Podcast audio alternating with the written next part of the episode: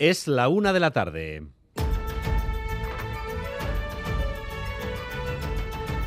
Crónica de Euskadi con Dani Álvarez. A Ratzaldeón, las bodegas de Álava que buscan una denominación de origen propia para sus vinos tendrán que esperar a que Bruselas resuelva la reclamación. El Tribunal Superior de Justicia del País Vasco da la razón a la denominación de origen de Rioja y anula el permiso temporal que había dado el gobierno para que pudiera empezar a vender sus productos con una etiqueta propia. Sonia Hernando. El tribunal sí anula la comercialización de viñedos de Álava hasta que la Comisión Europea decida sobre el fondo del asunto, pero es que el auto también discute al gobierno vasco sobre el que dice no ha argumentado suficientemente sus razones para permitir esa comercialización. Los bodegueros alaveses dicen sentirse solos y atacados. Vemos absolutamente atacados continuamente pues bueno, por aquellos que no quieren que tú puedas tener lo que otros manejan, es decir, el trabajo, el, el, esfuerzo y la oportunidad de generar una marca colectiva. En el otro lado, el Gobierno de La Rioja, satisfecho con los argumentos del Superior de Justicia, Eva Aita, consejera de Agricultura riojana, cree que el auto va al fondo del asunto.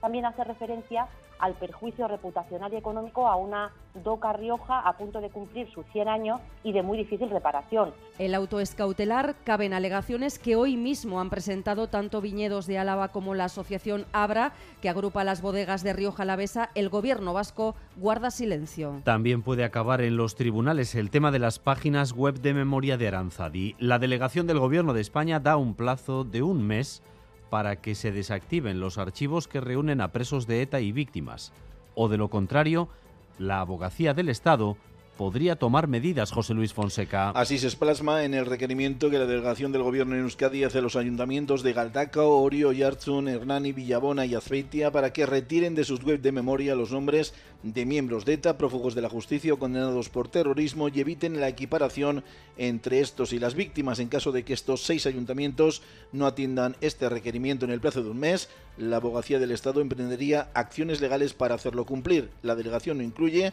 en dicho requerimiento a los ayuntamientos de Erando y Tolosa tras haber dado estos consistorios instrucciones para desactivar dichas páginas. El PSE insiste en que no estaba informado de que el planteamiento de los trabajos era este y repite que debe corregirse. Hoy su portavoz en el Parlamento, Ekain Rico, ha dicho, además, en Boulevard, que comparten la indignación de la familia Zabalza tras el ascenso del Guardia Civil Arturo Espejo provocado indignación a muchos y de hecho nosotros públicamente hemos expresado nuestro cariño y solidaridad a la familia y nos hemos puesto además eh, a disposición de, la familia. Pero como te he dicho, en cualquier caso será el ministro Grande Marlasca el que dé las explicaciones oportunas en el Congreso de los Diputados. Los socialistas hemos compartido la indignación de la familia. El Gobierno de España podrá aprobar una ley de vivienda antes de que termine la legislatura. Lo hará con el concurso directo de Euskal Herria Bildu y Esquerra.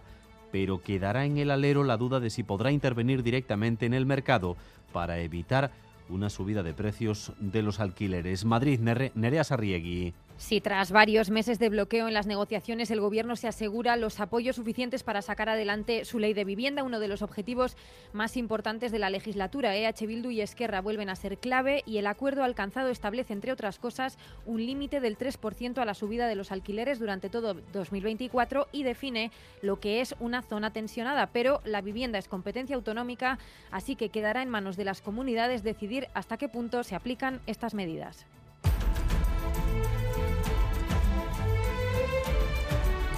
Esta semana se desarrolla en Roma el Congreso del Opus Dei. Además de la relación que la orden ha de mantener con el Vaticano, existía la expectación acerca de si dirían algo sobre los casos de abusos sexuales en su seno.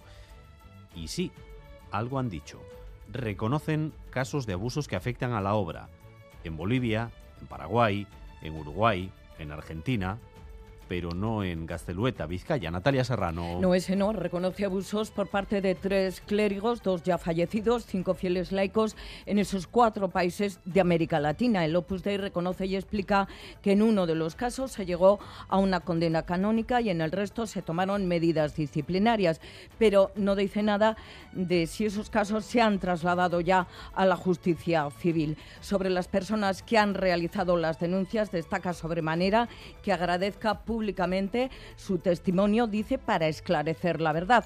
Un agradecimiento y acompañamiento que la familia de Juan Catrecasas, el menor víctima de abusos en el colegio Gatelueta, siempre ha denunciado no haber recibido por parte del Opus Dei. Desde hace tres años, el Opus ha tenido que actualizar sus protocolos para facilitar las denuncias de abusos de acuerdo con las normativas establecidas por el Papa Francisco. Llegó el día. Esta tarde vamos a conocer el dictamen del Consejo Constitucional francés sobre la reforma de las pensiones de Macron. Es una decisión vinculante que marcará el futuro del conflicto que ha condicionado la vida política francesa desde que empezó este año. Óscar Pérez. Los nueve sabios que forman el Consejo pueden ratificar en su totalidad la reforma, corregir algunos puntos o rechazarla entera. Lo que decidan será de obligado cumplimiento y el Gobierno quiere que ponga final al conflicto. Será el final del camino democrático de un texto que ha tenido 175 horas de debate, ha dicho la primera ministra. Los sindicatos lo ven de otra forma. La secretaria general de CGT advierte que las movilizaciones van a continuar. No se puede dirigir un país contra la mayoría de la población, ha afirmado la líder sindical. El Consejo Constitucional dará a conocer la decisión a las 6 de la tarde. Se llama Beatriz Flamini. Ha estado 500 días en una cueva a 700 metros bajo tierra. Lo ha hecho voluntariamente forma parte todo de un experimento que acabará con un documental. Entró con 48 años, sale ahora con 50. Sí es cierto que ha habido momentos difíciles, sí es cierto que ha habido momentos muy bonitos a leer, a escribir. ¿Cuántas veces has pensado en abandonar? Ninguna. De hecho, no quería salir. 500 días y no quería salir. Y hoy comienza el Festival de Danza Contemporánea de Navarra. Para su directora, Ichaso Cano, festivales como este son un gran apoyo para la danza. Es una disciplina artística a la que según ella no se le presta la debida atención que gracias a estos apoyos podemos seguir desarrollando lo que es la artesanía de la coreografía y yo diría más también de la puesta en escena, porque no solamente el movimiento, la estética, sino la iluminación, la escenografía, composición musical. Vamos también con lo más destacado del deporte, Álvaro Fernández Cadierno, Arrachaldeón. Arrachaldeón con dos partidos de fútbol y uno de baloncesto de los que tenemos que estar pendientes. Bayern de Múnich, Zalgiris de Kaunas en la Euroliga. Si ganan los alemanes, Basconia en cuartos. Si lo hacen los lituanos, adiós a Europa. Y lo dicho, dos partidos para hoy. En primera a las nueve, Rayo Vallecano. Osasuna en segunda misma hora Albacete e Ibar. Todo esto sin olvidar el derby, ha hablado Valverde, enseguida lo hará Imanol y la pelota. Comienza la liguilla de cuartos del manomanista en Azcoita y por ETV1 Darío Pello Echeverría. En el tráfico, dos puntos a tener en cuenta ahora mismo, ambos en Guipúzcoa. Dos salidas de calzada, una en Ondarribia, Guipúzcoa 636, sentido Rentería. La Archancha se encuentra retirando el turismo, Ondarribia sentido Errentería, Guipúzcoa 636 y otra salida de carretera en Usurbil, sentido Bilbao. El turismo ocupa ahora mismo el carril izquierdo. Los cielos van a continuar eh, nublados durante la mayor parte de la jornada, temperaturas algo más elevadas que las de ayer, 16 grados en Bilbao, 14 en Bayona y en Donostia, 13 grados de temperatura en Vitoria-Gasteiz y 12 grados en Iruña. Gracias un día más por elegir Radio Euskadi y Radio Vitoria para informarse. Raúl González y José Ignacio Revuelta se encargan de la dirección técnica e Irache Ruiz de la coordinación. Crónica de Euskadi con Dani Álvarez.